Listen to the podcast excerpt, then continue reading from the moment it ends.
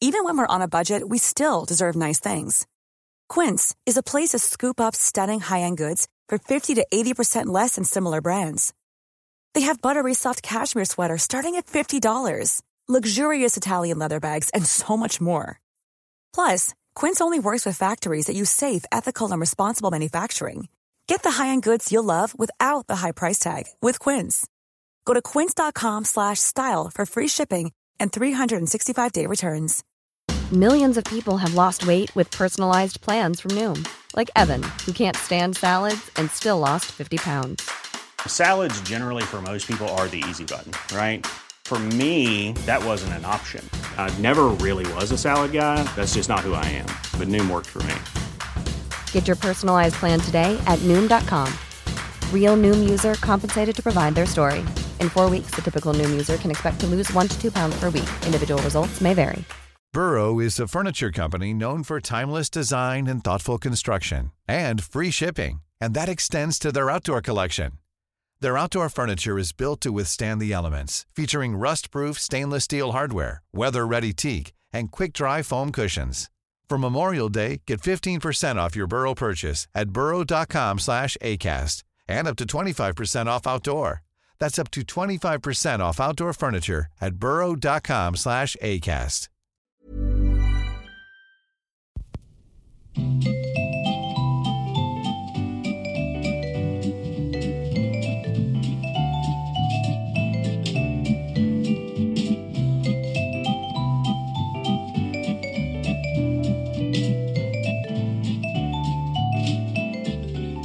Edvard Bloms smörgåsbord.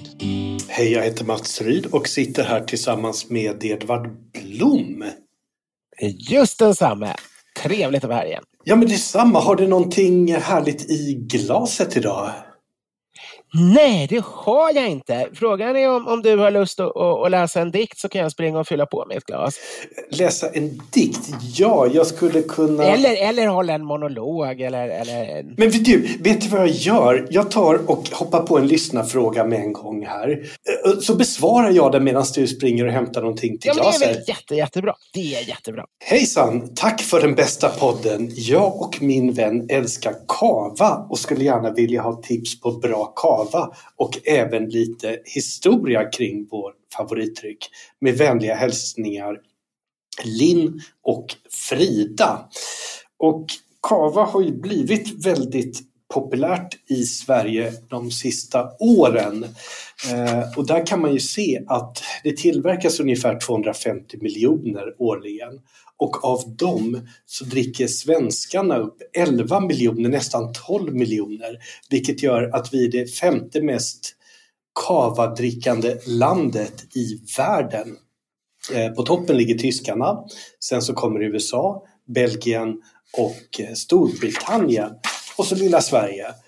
Eh, så att ni ligger helt rätt i ert kavadrickande. Och för att ge några tips här innan vi går in på lite kort. Är du tillbaks redan? Är? Ja. ja, det är du. Jag rusade ner till vinkylen och så ryckte jag en burk. Jag har väldigt sällan burkar hemma, men den här glömde David Kringlund kvar när vi hade någon provning för hans Youtube-kanal här. Det är någonting som kallas Stigbergets pomologik. Ja, ja, Stigberget i Göteborg. Winter wine, men det är inte ett vintervin utan det är helt enkelt en, en och det är inte en cider heller, det är en barley wine med äppelsmak. Okej, men jag måste säga att det var nog den snabbaste eh, Barley Wine med äppelsmakhämtningen någonsin. ja, Jag tänker om det finns en klass i Guinness rekordbok där för att snabbast hämta en Barley Wine med äppelsmak under poddinspelning. Så skulle Alltså kunna... hela förra poddavsnittet spelade jag in utan så mycket så, så, som ett glas vatten framför mig. Och, och Jag kände att jag hade hållit på att göra samma misstag den här gången, men nu jäklar. Så när du gav mig en öppning, då var det bara att springa. Ja, men helt rätt. Nej, men förra poddinspelningen så hade jag varit på en lunch eh, med en vän på Arla Unica, Östermalmshallen. Och Mm. eh, det var som god torsk de serverade så att det blev ett glas aligoté där. Eh, och, och sen när jag kom ner på kontoret så var det födelsedag och champagne här. Inte min, men eh, champagne var det. Mm. Så att eh, jag lät det följa med in här till poddinspelningen. Ah, trevligt. Eh, men då, vi, vi är på eh, Kava. Mm. Och jo, eh, vi ska ge några tips. Eh, vill man ha en budgetkava så tycker jag att Vilnau Brun Natur Organic 7731 är gott. Eh, går man upp lite grann i klass, Loxarell, de har en fantastisk vanlig kava och en rosékava för 139 kronor, 79,59, supergod. Allting Augusti Torello gör det gott, eh, 7V och Camps Reserva della Familia 197 kronor för lite mer premium. Ja. Mm. Och kort historia, ska vi köra bara igenom det här Edvard? Eh, Så, Ja, får det du, jag. så får du ta några klunkar. Gillar du kava? Jag tycker mycket om kava. Vi har ju varit på kava-baren tillsammans en gång. Just det. Det Tyvärr väldigt har de stängt ner. Det var synd. För där drack vi ju väldigt bra kava. Annars ska jag säga att all kava är ju inte bra, men det gäller ju alla drycker. Det finns Ja. naturligtvis en hel del enklare också, men jag tycker väldigt mycket kava är bra. Framförallt har det ju börjat komma även till Sverige mer och mer intressant kava.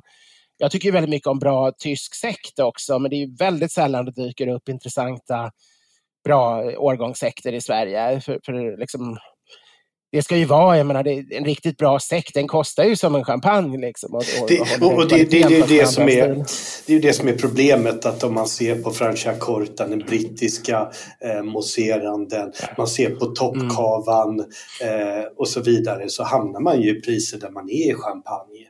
Och Ja. eh, det, det blir ju tuff konkurrens då. Men samtidigt får man helt andra toner och stilar som, som man kanske inte får i champagne. Så det, det är ju värt och roligt. Men det är, eh, något som aldrig är värt, höll jag på att säga, det är att dricka en sån här liksom en prosecco som bara är närmast kolsyrat på eller jäst på tank. nej, nej. liksom. Det, det, det är livet för kort för. Då, då kan man lika gärna blanda eh, ett sky, halvschysst vitt vin och mineralvatten. Liksom. Göra Jag skakar till lite grann och så... ja. Men, eh, ja, men ska jag dra kavans historia bara? Eh, den kortaste någonsin. Nästan lika snabb som du hämtar barley wine. Ja, men gör det. Ja, men, men nästan all produktion ligger uppe i Penedès och det är några mil söder om Barcelona. Vi är uppe i nordöstra hörnet av Spanien. Det är ett område som producerat vin före Kristi födelse. Och på 1800-talet slog den hemska vinlusen som härjade i Europa ut vinstockarna. Och då planterade man vita druvor istället för röda. Och med de här vita druvorna så eh, Eh, uppstod champagneproduktionen i slutet på 1800-talet, till 1870, inte champagne utan det var en cava-försäljare som upptäckte champagneproduktionen, tog med sig tekniken ner och 1870 lanserades då den första kavan som vi känner idag, något liknande. Eh, och, Så först gjorde de röda viner och sen stilla vita viner typ. Och sen Exakt! började de göra. Och, och, och sen börjar man göra. Och det som, är, som jag gillar med kavan det är att man använder champagnemetoden. Men champagne avskyr när man använder deras namn när det inte kommer från champagne. Mm. Så att på det är 1970-talet så eh, gav man det namnet kava för att särskilja det från champagnen. Eh, Mm. Och länge skrev man ju ändå champagnemetoden, men det får man väl inte heller göra längre? Det får man måste inte heller. Inga metod referenser. traditionell eller något sånt där va? Ja, precis. Traditionell metod eller flas- Med Classico, klassiker, metod och tyska. använder man mycket i Italien. Ja. Eh, och, och, och det här är då liksom det, kavan finns också från ultratorr till jättesöt med 50 gram per liter. Eh, det är tre huvuddruvor, Macabeo, Parea- Parellada och Xarello som är huvuddruvorna och sen finns det mängder med små obskyra. Och ja, eh, men jag tycker det är en härlig dryck. Det som gör att man ofta känner igen kavan i blindprovningar det är att det finns en liten angenäm ton av bubbelgum i den eh, som kommer från de här druvorna. Okej, intressant. Hur klarar man värmen? För jag menar, mousserande vin ska ju göras där det är kallt. Är det liksom högt över mark? Nej, utan det, kava betyder källare. Och Mm. eh, för förr så lagrade man i källare. Nu har man ju inte samma nät av källare som i Champagne där det är mil som är nedgrävt i kalkberget. Mm. Utan, eh, så att det, idag kan jag tänka mig att de flesta, stor del i, i, i kylda byggnader. Just det. Jag tänkte egentligen mer på druvorna, alltså att man Ja. inte tycker det ska vara för, för varmt. Att det- ska mogna långsamt. Liksom. Man har lite höjd där uppe. I, Man har höjd, det var Ja, precis, det jag var ute ja. efter. Om det var Eh, och, Så det är ett område där det funkar därför. Ja, exakt. För att det, det med mousserande vin så är det ju syran som är det viktigaste. Det finns ju ingenting som är viktigare än syra i mousserande viner. Mm. Och ja, det var världens kortaste kurs i kava. Vad trevligt! Ja. Har vi någon mer lyssnarfråga? Ja, vi, vi, vi har så mycket lyssnarfrågor för vi, vi hann ju inte med något förra gången. Nej. Vi hann inte ens med att prata om slukhål. Eh, vi ska se här. Slukhål, det börjar bli det nya. Vad var det vi för några år sedan pratade om fem, sex gånger att vi skulle prata om innan vi väl pratade om det? Var det inte asfaltläggning? Var det det? Jag kommer ihåg att det i alla fall var någonting som vi hela tiden diskuterade. Så här, men det hinner vi inte, men det ska vi göra någon gång. Jag, jag minns faktiskt inte, men men det kan ha varit asfaltkarteller. Det kan det ha varit. Eh, Då ska vi se, vad ska vi ta för... Har det hänt något roligt i veckan medan jag hittar en rolig lyssnarfråga? Nu funderar jag här. Ja, men, men, men min, min fru hade covid utan att jag blev smittad. Roligt år 2024. Ja, men det, det låter ju som din, dina förhoppningar som du nämnde förra podden, att det inte ska bli värre. Och hon mår bra också ska jag säga. Ja, alla som känner Gunilla vet att hon är så eh, rustik så det, det händer inte så mycket med henne. Hon eh, klarar alla revolutioner och orkaner och sjukdomar. Och, medan jag som neurotiker sitter som ett asplöv och darrar för allting. Det var väldigt roligt när vi, när vi blev ett par och, och hon var ju van att alltid sitta och jobba på flygplatsen tills de ropade och skrek att hon var tvungen att båda när liksom hon alltid gick på sist. Ja. Medan jag tvärtom eh, åkte ju alltid flera timmar före ett flygplats. Först var jag tvungen att dricka tre, fyra starka drinkar på flygplatsen för, för att liksom, eh, kurera min flygrädsla. Men jag var också tvungen att lämna in väskan eh, precis. Jag stod och väntade ofta jättelänge tills de väl tog emot. Jag fick liksom gå och lämna in min väska redan innan dess. Och sen satt jag och drack drinkar och sen ville jag vara först på boardingen. så att jag inte skulle liksom, inget skulle gå fel. Medan Gunilla var verkligen precis tvärtom. Och jag jättenervig och hon som om det var liksom hennes vardags. Hon flög ju flera gånger i veckan. Men, men hur, hur, vad har ni landat i nu? Ja, men vi har landat på någon form av hyfsad normalitet, liksom, där vi våra mest extrema sidor har, har dragits mot den andra. Sen är det ju fortfarande lite så att jag, jag är lite hispig innan vi ska iväg någonstans. Och, men å andra sidan, Gunilla är ju inte lika avslappnad längre heller eftersom hon inte längre från att ha flugit varje vecka så flyger vi kanske någon gång om året högst numera eftersom hon inte längre är utrikeskorrespondent och det har varit som det varit och vi har massa barn. Det, är- det är fruktansvärt dyrt att flyga med tre barn. Det blir ju Ja. blir ju nästan orimligt. Så, så eh, det blir bara någon gång om året nu högst. Och Ja. eh, då blir det ju liksom inte samma vardagsmat för Gunilla. Men jag blir kanske ännu nervigare å andra sidan. Men, men, men då tycker jag vi direkt hoppar till friterad ägg, eldtunga och korvbröd. Ja, men det låter väl bra. Hej, tack för trevlig lyssning. Jag har två ämnenfrågor. Så, eh, två ämnenfrågor. Som jägare kommer jag ofta åt trevligt kött från våra svenska klövvilt, främst rådjur, vildsvin och älg. Men vad bör man ta reda på förutom köttet? Har gjort friterad älgtunga och bjöd på som aptitretare en valborgsmässoafton för massa år sedan, vilket var uppskattat. Men vad mer har jag av okunskap lämnat åt räven? Minns min fasa från min barndom hur min mor tappert försökte göra levergryta åt familjen som ratades av alla förutom min far.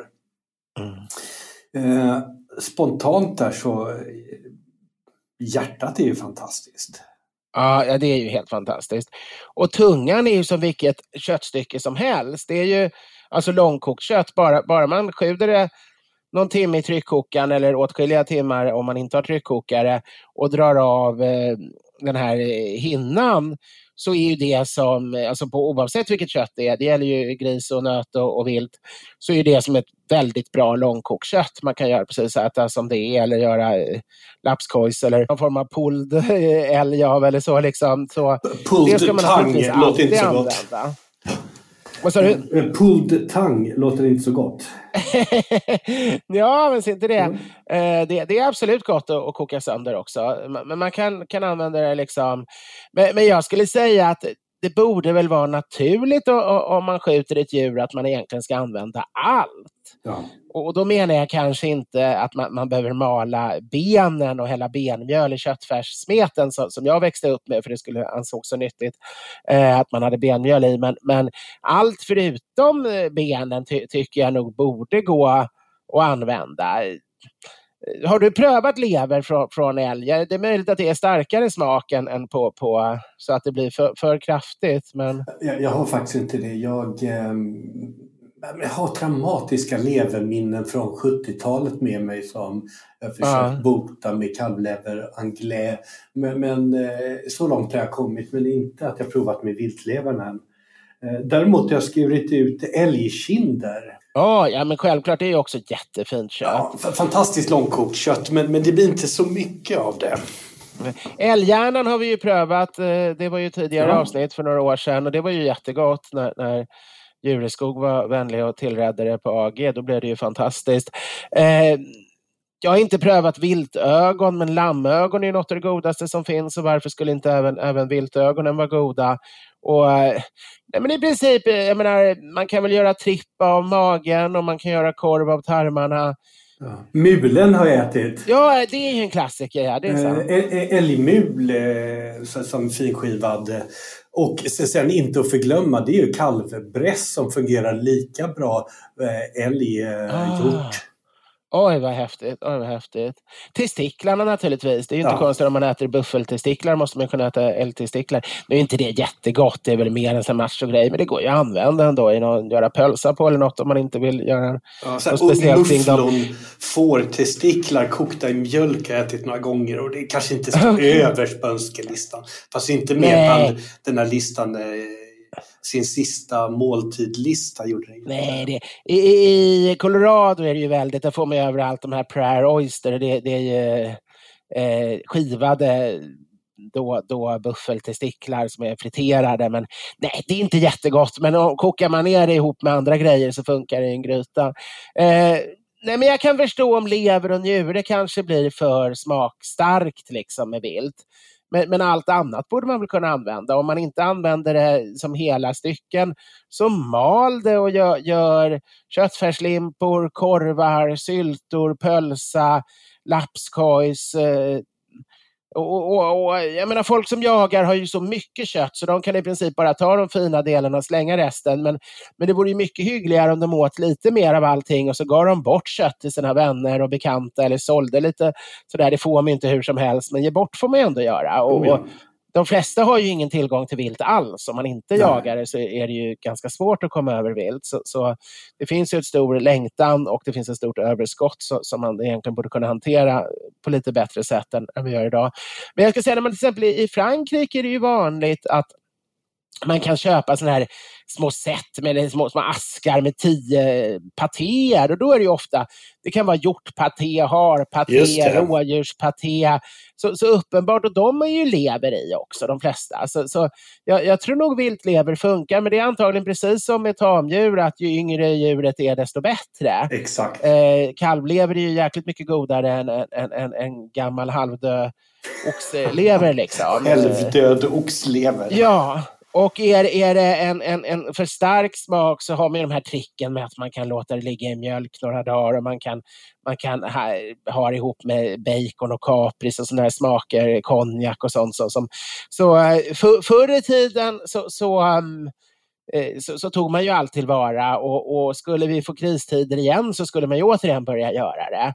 Så det är väl lika bra. Då blir det bark i bröden. Men nu hänger det bara på ens egen moral att man ska göra. Att om man inte har ett ekonomiskt incitament så, så borde man åtminstone känna att inget djur borde bara slängas. Sen är det klart, har man hundar som väl de flesta som jagar kanske har, så är, är, är väl mycket av inälvsmaten väldigt bra att koka hundmat på också. Det är det ju. Oh ja. Det är det helt klart. Nej, vi, vi, nämnde Djureskog där vi åt eh, kalvhjärnan. Jag, jag, var här i, återigen på, han har öppnat ett nytt ställe på Drottninggatan eh, i, mm. runt hörnet från Rolfs kök som heter Rolfs hav. Och, eh, i, ja, just det, det har jag hört om. Ja. Ja, som är en amerikansk-svensk skaldjur, fisk och skaldjursbar.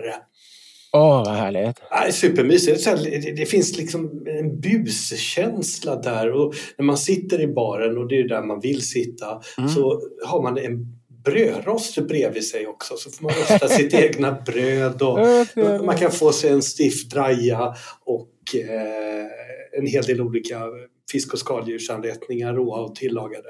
Alltså skaldjur i USA är ju någonting annat än skaldjur i Frankrike och de Alltså, franska skaldjur är underbart, alltså att äta skaldjur på franskt sätt, att man har den här platån och man är uppklädd och det, det i alla tillbehören. Och, men, men i Amerika är ju skaldjur någonting mycket eh, liksom enklare och min, mindre uppsnofsat. Jag tycker det är väldigt charmigt också. Som ja. Det bästa man kan göra, något av det bästa man kan göra när man är i New York, det är att ta eh, tunnelbanan ända ut till ändstationen eh, bortom Bronx, eller i Bronx yttersta kanter och där ta sig över med bussen sen till City Island.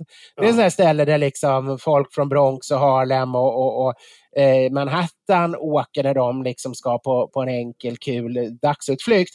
Och där finns det ett gäng sådana här eh, restauranger där man får friterade Eh, friterade skaldjur, friterade, alltså, det är bläckfisk, eh, det, det, är olika typer, jag tror till och med hummer tror jag till och med man kan få. Det, det, men ganska billigt ändå och det ser ut som liksom en McDonalds-restaurang utomhus. Och så köper man olika typer av, av långdrinks och paraplydrinkar i pappmuggar. Så, eh, starka drinkar i pappmuggar och friterade skaldjur och bläckfiskar och grodlår också hör också ihop till det lustigt nog. Det, det har de också där. Så det sånt man förknippar med egentligen betydligt lyxigare miljö i en väldigt enkel miljö med barnfamiljer och, och, och mest folk från, från Bronx och, och, och norra Manhattan. Då. Eh, väldigt charmigt ställe och, och sen finns det ju alla de här härliga, absolut. Ja, men det, det är eh, som du säger där med USA med, med sina Lobster Rolls och eh, mm. att man bara gör en eh, korvbrödsvariant liksom på hummer visar ju på att man har mycket mer avslappnad syn på skaldjur. Ah, eh, ostron på eh, Grand Central Stations. Eh, där, och där man äter också skaldjurssoppor och, och sådana grejer. Men det är väldigt mycket mer avspänt. De har väl haft väldigt billiga skaldjur historiskt. De är kanske inte lika billiga längre som de en gång var. Men de är ändå betydligt billigare än, än de är i Europa och, och man har en annan attityd. Det är mycket så här ja, men avslappnad miljö, cocktail, sommarkänsla. Även nere i, i, ja, men även i San Francisco, i, i Florida, i Kalifornien. Så här, det är mm. mycket skaldjur och det är på ett helt annat sätt än, än den här klassiska liksom, Paris eller Bryssel-skaldjuren där, där man sitter långt från havet och, och, äter det bästa som har kommit in från andra ställen och fantastiskt vackert serverat. Ja, rak i ryggen. Ja, som också är fantastiskt. Men det, det är två väldigt olika grejer. Och det klassiska skaldjursätande har vi ju på, på, på liksom Vasahov och Sturehof och ett an, antal till ställen. Eh, Hov heter det, uttalar man det väl nu. Nu råkar jag säga Hof, inte Hov. Eh, det är fel, det får inte vara med. Det skulle våra eh, väldigt eh, aktiva lyssnare genast anmärka. Men, eh, men det här har vi inte riktigt. En amerikansk klarljusställe har vi inte sedan tidigare, så det är väl jättekul. Ja, men det är verkligen härlig stämning och eh, självklart otroligt gott. Ja, allt Jureskog gör är ju jäkligt bra ska jag säga också. Då vet jag att ni är ju goda vänner. Så om du stod och lovordade de här skulle folk tycka det var total incest. Liksom. Ja, men jag ju träffat honom några gånger, men vi kan inte säga att vi känner varandra även om han, han lyssnar på, på vår podd. Men, men jag provade för första gången hans hamburgerställe för, för någon gång i höstas och blev väldigt förtjust för att det var ett ställe liksom ut med, med om man ska stanna ut med vägen och, och ta någonting genom en lucka lucka så finns det ju ingenting, eh, eller bara ta något genom en lucka och äta på på en uteservering. Det, det, finns ju ingenting ätbart ut med vägarna. Man måste åka av långa vägar och hitta något ställe, någon golfbana, restaurang eller något och det tar någon timme extra. Men, men så upptäckte jag de här Djureskog som finns ut med och, och, och, det var ju otroligt mycket bättre än, än liksom, eh, jag ska inte säga att det är lika bra som på AG kanske, men det är tusen gånger bättre än en vanlig McDonalds eller Max eller något sånt där som, man är van med. Så det har blivit en, en liten glädje när man åker Stockholm, Göteborg eller Stockholm, Malmö att det faktiskt finns de här. Eh, och, jag önskar det kunde gå mer i den riktningen, att, att fler typer av högkvalitativa eh, snabbställen. Nespotisk som jag är håller jag fullständigt med. Men eh, för, för, för, några minuter sedan här försökte jag göra en snygg övergång mellan... Ja, förlåt! Eh, det, det, det, det, är ingen fara. Eh, utan mellan övergången här med Lobster Rollen och korvbrödet till Ja. Anders andra fråga. Mm. Min andra fråga, eller rättare sagt iakttagelse, det har numera kommit en uppsjö av bättre varianter av korvbröd. Mats och jagar kan säkert instämma att tidigare fanns endast korvbrödsbageriets tråkiga snövita bröd som alltid gick sönder och som alltid var torrt. Korv generellt har ju fått ett uppsving och blivit på modet med eh, och med det så följde då tillbehören tänker jag. Men hur länge har man ätit korv i speciella bröd som idag? Och finns det liknande företeelse utanför västvärlden? Ja, det är en bra fråga. Och Hur då, länge har man ätit korv i bröd? inte jättelänge, eller det beror på. Alltså man kan säga att det, det, från början har vi det tyska brödchenet. Och, och den första hamburgaren, det var ju liksom att man i Hamburg skar brödet, brödkärnen på mitten och så la man in en köttfärsbiff och, och åt det som en smörgås. Det är ju det som har gett namnet till hamburgare. Men, men så får man ju även korv ofta i Tyskland, att man får en korv kanske i papper och så får man ett brödkärn bredvid.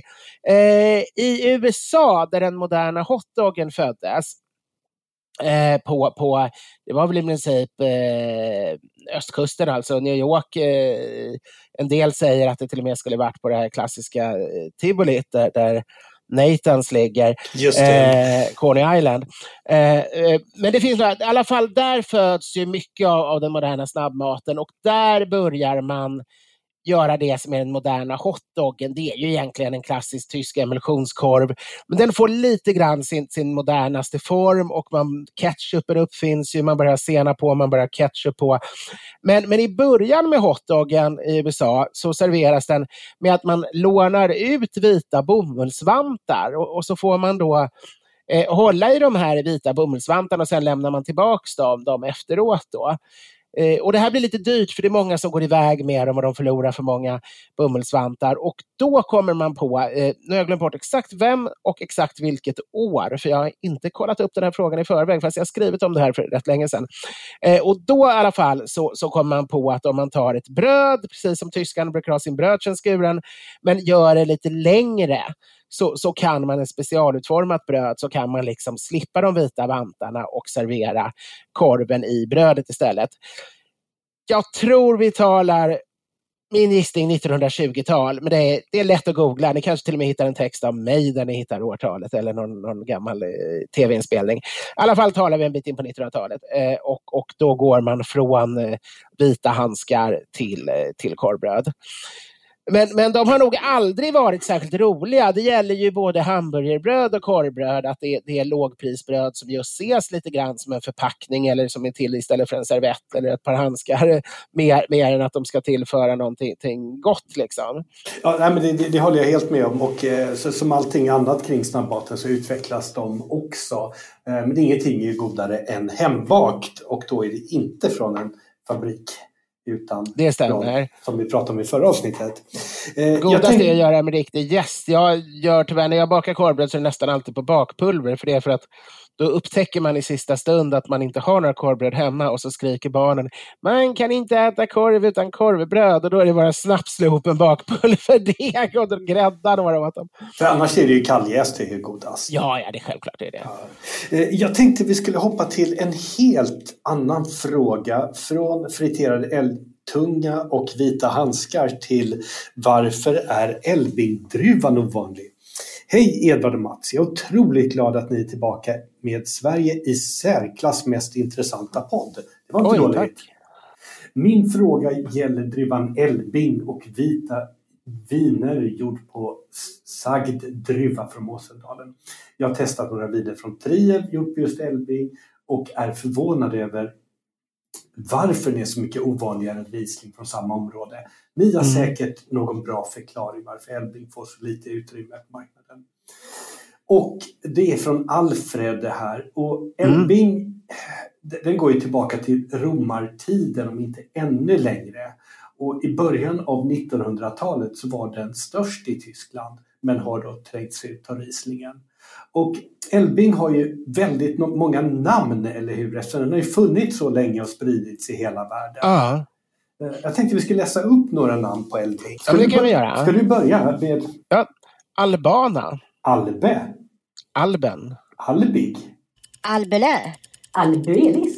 Allemande. Blanc. Alsacien. Alva. Argentin. Biela Sebrenia. Biolovaca. Blessek. Blesses. Bourgois. Burgauer. Burgirger. Burgegger. Burger. Burger Elbling. Burgunder Traubegruen. Burgire. Ikelbling.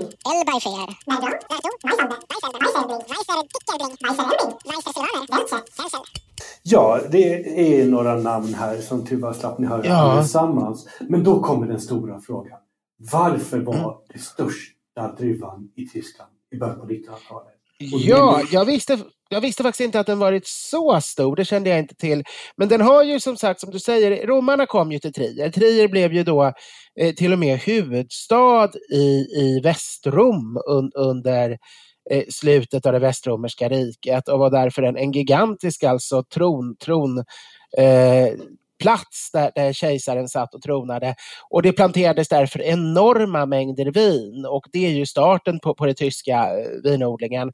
Och, och ja, på den tiden som gick sen från, eh, från från, från romarnas tid där så fortsatte ju vinodlingen om än inte i samma omfattning. Och man hade ju principen att man hade massa viner på, på en, en, en bergsluttning. Ofta var det vissa sorter som, som funkade bättre långt ner och andra högt upp, vissa lite bättre på ena och andra sidan. Och sen bara skördade man allt tillsammans och, och gjorde ju blandviner. Och det kallas ju idag för field blends. eh. Just det, det är ganska ovanligt idag men, men finns ju också. Precis. Ja, men, men görs i eh, flera delar av vinvärlden bland lite mer, eh, vad ska man säga, progressiva vinmakare som går tillbaka till det gamla. Men, men det gjorde att det fanns väldigt mycket vin på en plats och det var ganska slumpartat och det fanns både vilda fält som inte längre sköttes eftersom man inte gjorde lika mycket som på romartiden och det fanns sådana man skötte. Och där uppkom det ju en enorm massa naturliga korsningar mellan olika sorter. Och, och både Elbling och Riesling de är, ju, de är ju nära släkt och går väl tillbaks båda till, till den äldre vita varianten som, som odlades många århundraden tillbaka som jag glömt namnet på nu, som var en sort som inte var särskilt rolig men som var det man egentligen hade i vitvinsväg historiskt. Och, och här bildades massa olika blandformer och eh, när jag bodde i Trier 89-90, då försökte man väcka liv eh, lokalt. Att försökte få Elbling att bli liksom Moseldruvan vid sidan. Riesling fanns ju överallt för lyxiga, men eh, just som ett alternativ för lite enklare vardagsviner av hög kvalitet och som skulle vara någonting som bara fanns i Mosel och inte behövde tänka liksom konkurrera med ren. Så det fanns väldigt mycket kampanjer. Det var ofta så att man fick, eh, det stod ett stånd på universitetslunchmatsalen där, där man kunde köpa Elbling till maten och då fick man behålla glaset. Jag, jag har väl ett 12 sådana här Elbling-glas hemma till exempel. Och det var mycket kampanjer på vinfester och på restaurangerna. Men sen gick det tvärtom. Sen gick de in på, på bondesnivå, alltså på, på statlig nivå i Tyskland och förbjöd Elblingen att odlas i Tyskland ganska många år. Och det var för att man trodde att den skulle skada Rieslingen, att de låg för nära i tid. Det fanns en uppfattning att Elbling bara var den ursprungliga vildvarianten av Riesling och att sen Riesling hade utvecklats och om man blandade ihop dem skulle, skulle Rieslingen, om det kom pollen liksom från Elbling skulle Riesling förstöras. Så det var ett gäng år när man faktiskt inte kunde köpa, men lyckligtvis i Luxemburg som ligger precis vid, vid, vid Trier på andra sidan gränsen på, på gångavstånd om man tar en lång promenad. Där fortsatte de att odla och hade det som sitt liksom, specialdruva i alla fall. Eh, och eftersom de hade lyckats med marknadsföring få, få eh, Trierborna att älska Elbling så, så blev det ju att man istället drack då luxemburgisk Elbling under några år i Trier. Sen, sen har man gjort mer DNA-forskning, kommit fram till att de inte är fullt så nära släkt. Jag kommer inte exakt, någon gång har jag, har jag kollat upp det. Ja, men det, det, är, handlar om en, det är en korsning mellan Gouès Blanc och Traminer, alltså gur, eh, Ja. som är är det. härstammar från. Precis, med, med och Gouès Blanc är den här ur, urdruvan kan man säga som, som nästan allt hänger på. Och Riesling är en snarlik korsning, eh, också med Gouès Blanc. Och, men, men det är någon sen, några senare varianter har korsat ännu mer för Rieslingen. Det, det kommer inte skada varandra och nu, nu odlar man Elbling igen. Men, men Elbling den når ju inte Rieslingens liksom storhet, men den är ju en väldigt trevlig frisk druva ändå. Precis, för att Rieslingen finns ju ingen druva i världen som man kan göra så torra och så söta viner på. Den, den har ju Nej. ett spektrum som är helt eh, Ja. oslagbart i vinvärlden. Och sen också, som är huvudanledningen som jag läst mig till att eh, Elblingen trängdes ut var ju för att Rieslingen gav en högre avkastning. Och Till och med man- det, det är intressant, för vanligtvis brukar man ju odla allting som inte är Riesling odlar man ju i Tyskland just för att det har högre avkastning än Riesling. Ja. Lite grann. Och, och då, Elblingen hade lägre avkastning än Riesling. Och Ja. det är ju, det, den ligger lite lägre, låg sockerhalt, en ganska låg alkoholhalt och eh, eh, det är ju det är inte riktigt lika komplext vin som, som Rieslingen kan ge men otroligt trevligt och härligt och fyller definitivt sin plats i vinvärlden. Ja, det, det är ju så också att det handlar inte bara om druvan, det handlar ju om, om hur mycket man tar ut. Det finns det här Müller Thurgau som är ett vin som är, är det mest utskällda i Tyskland. För det, det är ju bara framtaget för att kunna få jättehög produktion, jättemånga liter per kvadratmeter och är liksom det här en, enkla vardagsvinet för de som inte vill unna sig någonting bättre. Liksom. Men, men eh, det köpte jag för några år sedan. Då var det en kvinnlig ung odlare som, som hade roat sig med att hon hade av någon anledning nå, något ganska bra läge där det hade där det hade planterats Müller Thurgau vid, vid något tillfälle, antagligen under, under 70-talets eh, downperiod. Liksom, eller sådär, eller det var downperiod på 80-talet också vad det gällde tysk försäljning av viner. Och, men, men då testade hon att, att skära ner det och liksom bara ha oerhört litet uttag Ah. per kvadratmeter. Man, man beskar det som om det vore lyxdruvor i champagne liksom och bara, bara fick ut jättelite druvor per, per och, och därmed fick man väldigt mycket mer kraft och så gjorde hon ett riktigt bra vin på det. Och, och då kan man ju få till, och så kostade det flera hundra fast det var en Müller. Så det var ju liksom bara roligt för folk som tycker sånt är kul. Ja. Men, men, men det blev ju ett väldigt bra vin fast det egentligen är en, en, en druva man, man i vanliga fall tycker är totalt förkastlig. Så samma sak där, man, man kan ju välja väldigt mycket hur mycket man tar ut av, av, av en druva. Eh, vingårdsarbetet och eh, vad man gör i vingården kan påverka enormt mycket Ja. såklart. Eh, Jag tänkte vi skulle hoppa från Elbing här, Elblinge till eh, en fråga från Ludvig Hanberg.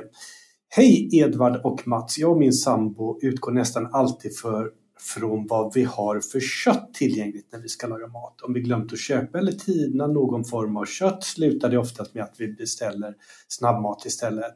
Pannkakor, paj eller soppa är det få rätter vi lagar ibland som inte kräver kött eller vegetariska substitut.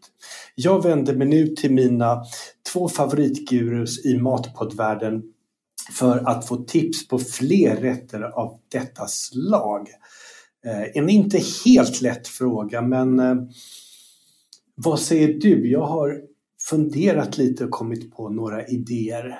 Jag är inte så mycket för helvegetariskt. Jag har ju gärna lite, lite fisk, kött, skaldjur eller åtminstone ost i, i allting jag liksom lagar. Och, och min sak när jag kommer hem och inte vet vad jag ska göra, det är ju att jag använder rester. Att man då kan göra pyttipannor eller, eller lådor eller, eller stuvningar eller nästan vad som helst, omeletter eller så. Men, men eh, någonting jag tycker är väldigt gott, om man då ändå ska köra att det ska vara vegetariskt. Nej, det behöver inte vara vegetariskt men eh, däremot, jo det blir ju vegetariskt i sig. Men inte däremot, utgå för från en- det, det en behöver inte vara grönsaker om vi säger så. Utan, Nej. Eh, men eh, spätzle tycker jag är väldigt gott. Den här tyska typen av eh, sydvästtyska eh, del, sorten av pasta. En sorts äggnudlar där man aldrig, inte pressar ihop pastasmeten utan eh, den är väldigt lös och så kör man den genom eh, ett, ett, ett rivjärn bara. Det går att beställa från Österrike, det finns över nätet, får man inom några dagar. Eh, fri frakt hem om man vill ha färdiggjorda, men det är ännu godare att göra en smet. Och det är faktiskt ändå snabbmat. Man bara rör ihop mjöl, vatten och ägg och så gör man, kör man det genom liksom ett, ett eh, brä- bräde med små hål eller man använder en kniv men, men var, inte spätzle rivjärn? Var inte det årets julklapp 26? Spätzlebrett ja, årets julklapp 2006. Så man hittar det på varenda loppmarknad. Man kunde ju önska det var så, kanske i i Schwaben.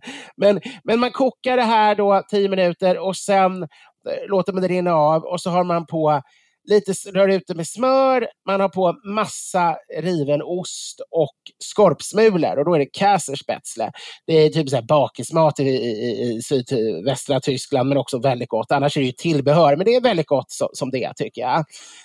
Ja. Det, det, det är klart man vill ha käsespätzlen och inte Mm, bara Absolut, spätzle. men sen kan man, ju, man kan göra en quiche, helst med lite skinka i, men, men det, det är också ost och äggbetonat och omeletter av olika slag. Då kanske man är- inte har en... Ja, men det, det har jag på min lista. Det, det, man, man, har, har man bara några ägg hemma så kommer man ju otroligt långt. Och, och kanske, min, min mormor hade alltid en sån här burk med krabba, konservburk med krabba i Jag, jag tänker på Tintin, krabban med de gyllene klorna. De här konservburk Nej, men då kan man göra en Ja. stuvning och så har man i lite krabba eller också har lite djupfrysta räkor och hackar i eller bara eller lite rester. Och så har man en omelett med stuvning och så lite riven parmesan på det kanske. Eller? Och, omelett kan ju bara slänga in några eh, sardiner, sardeller, någon, någonting som finns, något fiskartat Ja. på burk bara. Vitlök, hackade oliver, chili. Blir- blir- Ostfondue är ju också lätt att göra och innehåller ingen, ing, inge, inget kött. Man smäller ihop en ostfondue och skär upp lite gammalt torrt bröd och doppar och så dricker man en flaska vin och lite kirschwasser Ja, till. ja men och, och bara såna här varma mackor att man eh, eh, tar en skiva vitt bröd Mm. och så kan man ju slänga på vad som helst och, och så täcker man det med ost så är man ju hemma. Blomkålssoppa, det, det får man ofta i Tyskland. Det, det låter inte så märkvärdigt, men om man kokar blomkål i, i mjölk och grädde och så ser man till att ha lite vitlök, lite, kanske lite stekt lök, lite kummin, lite muskot, peppar och så mixar man det där slätt med, med en mixerstav. Det går jättelätt, kanske lite vitt vin i. Man måste liksom krydda upp det rejält för bara mjölk och, och blomkål smakar ingenting. Men när, när man kryddar upp det kan det bli en jättegod soppa. Ja, men det, det blir lite som min favorit Ola Grans granola, att vi har Edvard Bloms blomskålssoppa. Det blir lite sån här... Skulle du lansera? Ja, det borde jag ju faktiskt. Det, Snart är en butik nära dig. Eva Bloms blomkålssoppa. Nej, men soppa äter man ju för lite överhuvudtaget. I, i skolan till, får, får barnen tomatsoppa med, med eh, makaroner i och det tycker de är jättegott. Jag har fått göra det hemma några gånger för de tycker inte de får det nog ofta i skolan. Och, och, och det är ju väldigt enkelt att göra. Champinjonsoppa, samma sak. Man steker champinjoner ganska hårt. Eh, Eller på lite konjak. Eh, Har man haft stekt med lite vitlök och lök kanske. På med grädde och mjölk. Kör med mixen. Eh, hur gott som helst. Lite mer konjak kanske. Alltid med konjak. Sen, är det, eh, pasta är ju det enkla svaret också. Det går ju att variera i oändlighet. Och bara, bara man har rejält med svartpeppar så... På, på våren kan man ju köpa man sparris. Och det, det, det kanske inte går bara att ha hemma, för det håller inte så länge.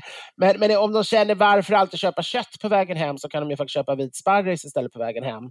Och så, och så slår de ihop en hollandaisesås och häller över, eller bara citronsmör. Men det är ju en fantastisk förrätt. Majskolvar med citron, citronsmör, också gott. Ja men majskolvarna, det, det hade man ju alltid såna här burkar hemma för. Ja, Majskolvar, burk med, med hela majskorvar som man åt. ja till och med det. Ja, de små ja, det är sant. Ja, och, och, men, men jag tycker då, då, när majskolven inte är säsong. Nu, nu går det ju väldigt enkelt att köpa färska majskolvar i Sverige. Ganska Ja, lång period under sommaren. Ja, Annars verkligen. tycker jag att de, de frysta är ju klart överlägsna de i burk. ja, Och även de här eh, vakuumpackade förkokta. Jag tycker fortfarande de frysta slår dem rejält. ja. ja. Annars helt Mm. färska. Eller också koka, eh, poppar man popcorn på dem. Ja, men popcorn eh, Man är poppar en- underskattat. Ja, verkligen. Det, är- det är ju ovanligt hälsosamt snack också. Har vi pratat popcorn någon gång? Jag tror inte det faktiskt. Jag har ändå varit ganska road popcorn på...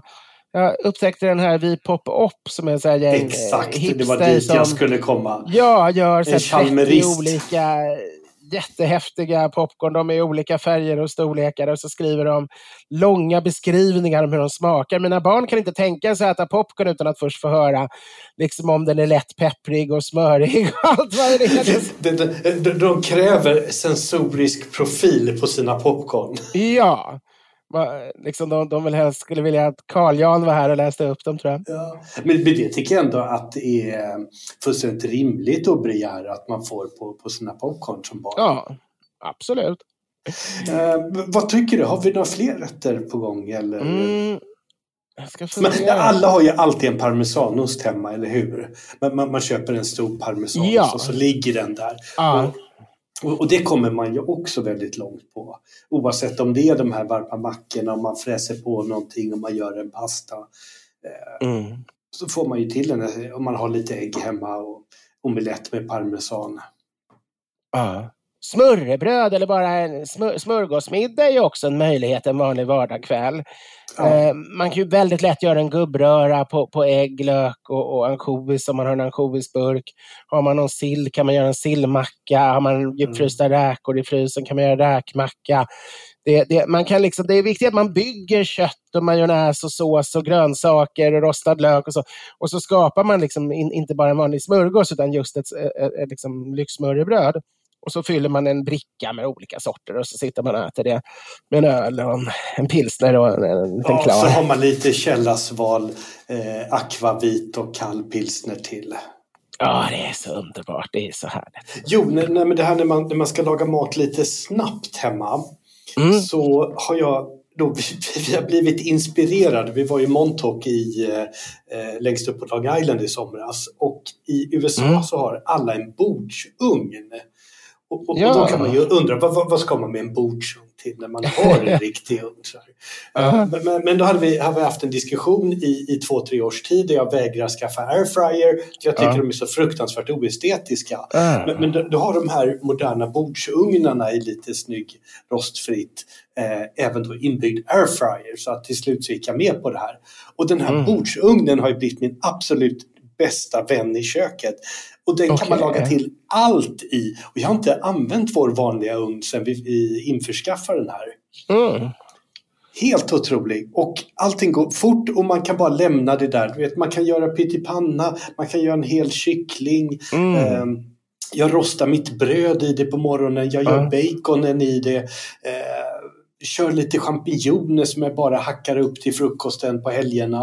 Eh, när jag väl värmer på eh, Heinz eh, tomatbönor och ja, det, används varje dag. Så att, Men är fördelen för- att man har den till hands liksom, jämfört med en vanlig ugn? Ja, och den värms upp så otroligt fort. Och så Mm. finns det så många olika program med varmluft och, och grillar och så vidare. Och, den är så lite halvintelligent och har så här 13 olika funktioner. När, när jag var ung och student så hade jag engelska vänner eh, som, som pluggade i England. Jag var på universitetet och där på, när man bodde hemma hos dem i, i korridorerna, så i korridorköken fanns det, det var inte så moderna ugnar, det var, men det var också någonting som stod på bänken, någon form Ja. av grillugnsliknande.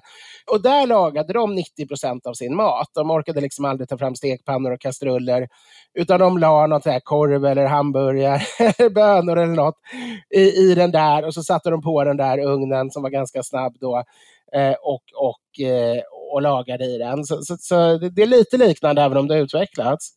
Oh ja, nej, nej, men helt klart. Och just eh, snabbheten och att väldigt mycket kan man göra med airfryer-funktionen som motsvarar att steka.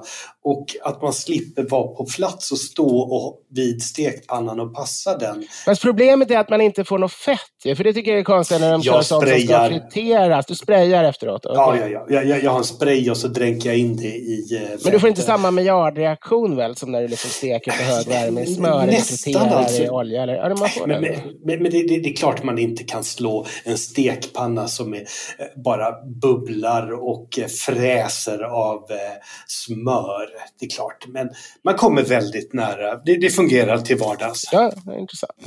Men nu har vi svarat mängder av frågor och eh, Ja, men det har vi. man får gärna skicka in fler. Det får man göra. Det är alltid lika roligt. Vi kan inte svära på att vi hinner svara på alla, men vi, vi försöker så gott vi kan. Och eh, förr eller senare tror jag de allra flesta kommer att bli besvarade. Eh, I alla fall det vi kan svara på. Precis, och vart skickar man frågorna? Man skickar dem till podden edvardblom.se. Och med eh, den klara stämman så tar vi och eh, tackar för det här avsnittet. Ja, nu ska jag iväg och hämta barnen på förskola respektive skola och ta dem vidare till Bamsegympa. Det är min vardag. Vi ses snart och vi hörs om två veckor. Hej då! er! Ja, sköt om